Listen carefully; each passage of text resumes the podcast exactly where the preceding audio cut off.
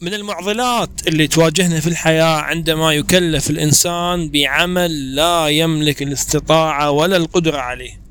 أي عمل تكلف فيه أي مهمة تكلف بها سواء في بيئة العمل أو في الجامعة تأكد أنك قادر على حمل هذه المهمة.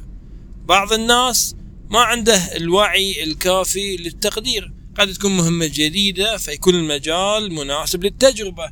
لكن إذا الإنسان جرب نفسه ويعرف حدود إمكانياته وقدراته ووجد أن المهمة راح تضيق عليه وراح تؤثر على نجاحاته الحالية في المجال الذي يعمل فيه فالأفضل أن يعتذر الإنسان من البداية لا أن يأخذ المهمة ويأخذ هذا العمل ثم يحاسب على التقصير ويحاسب على عدم الوفاء والعمل بالجهد المطلوب.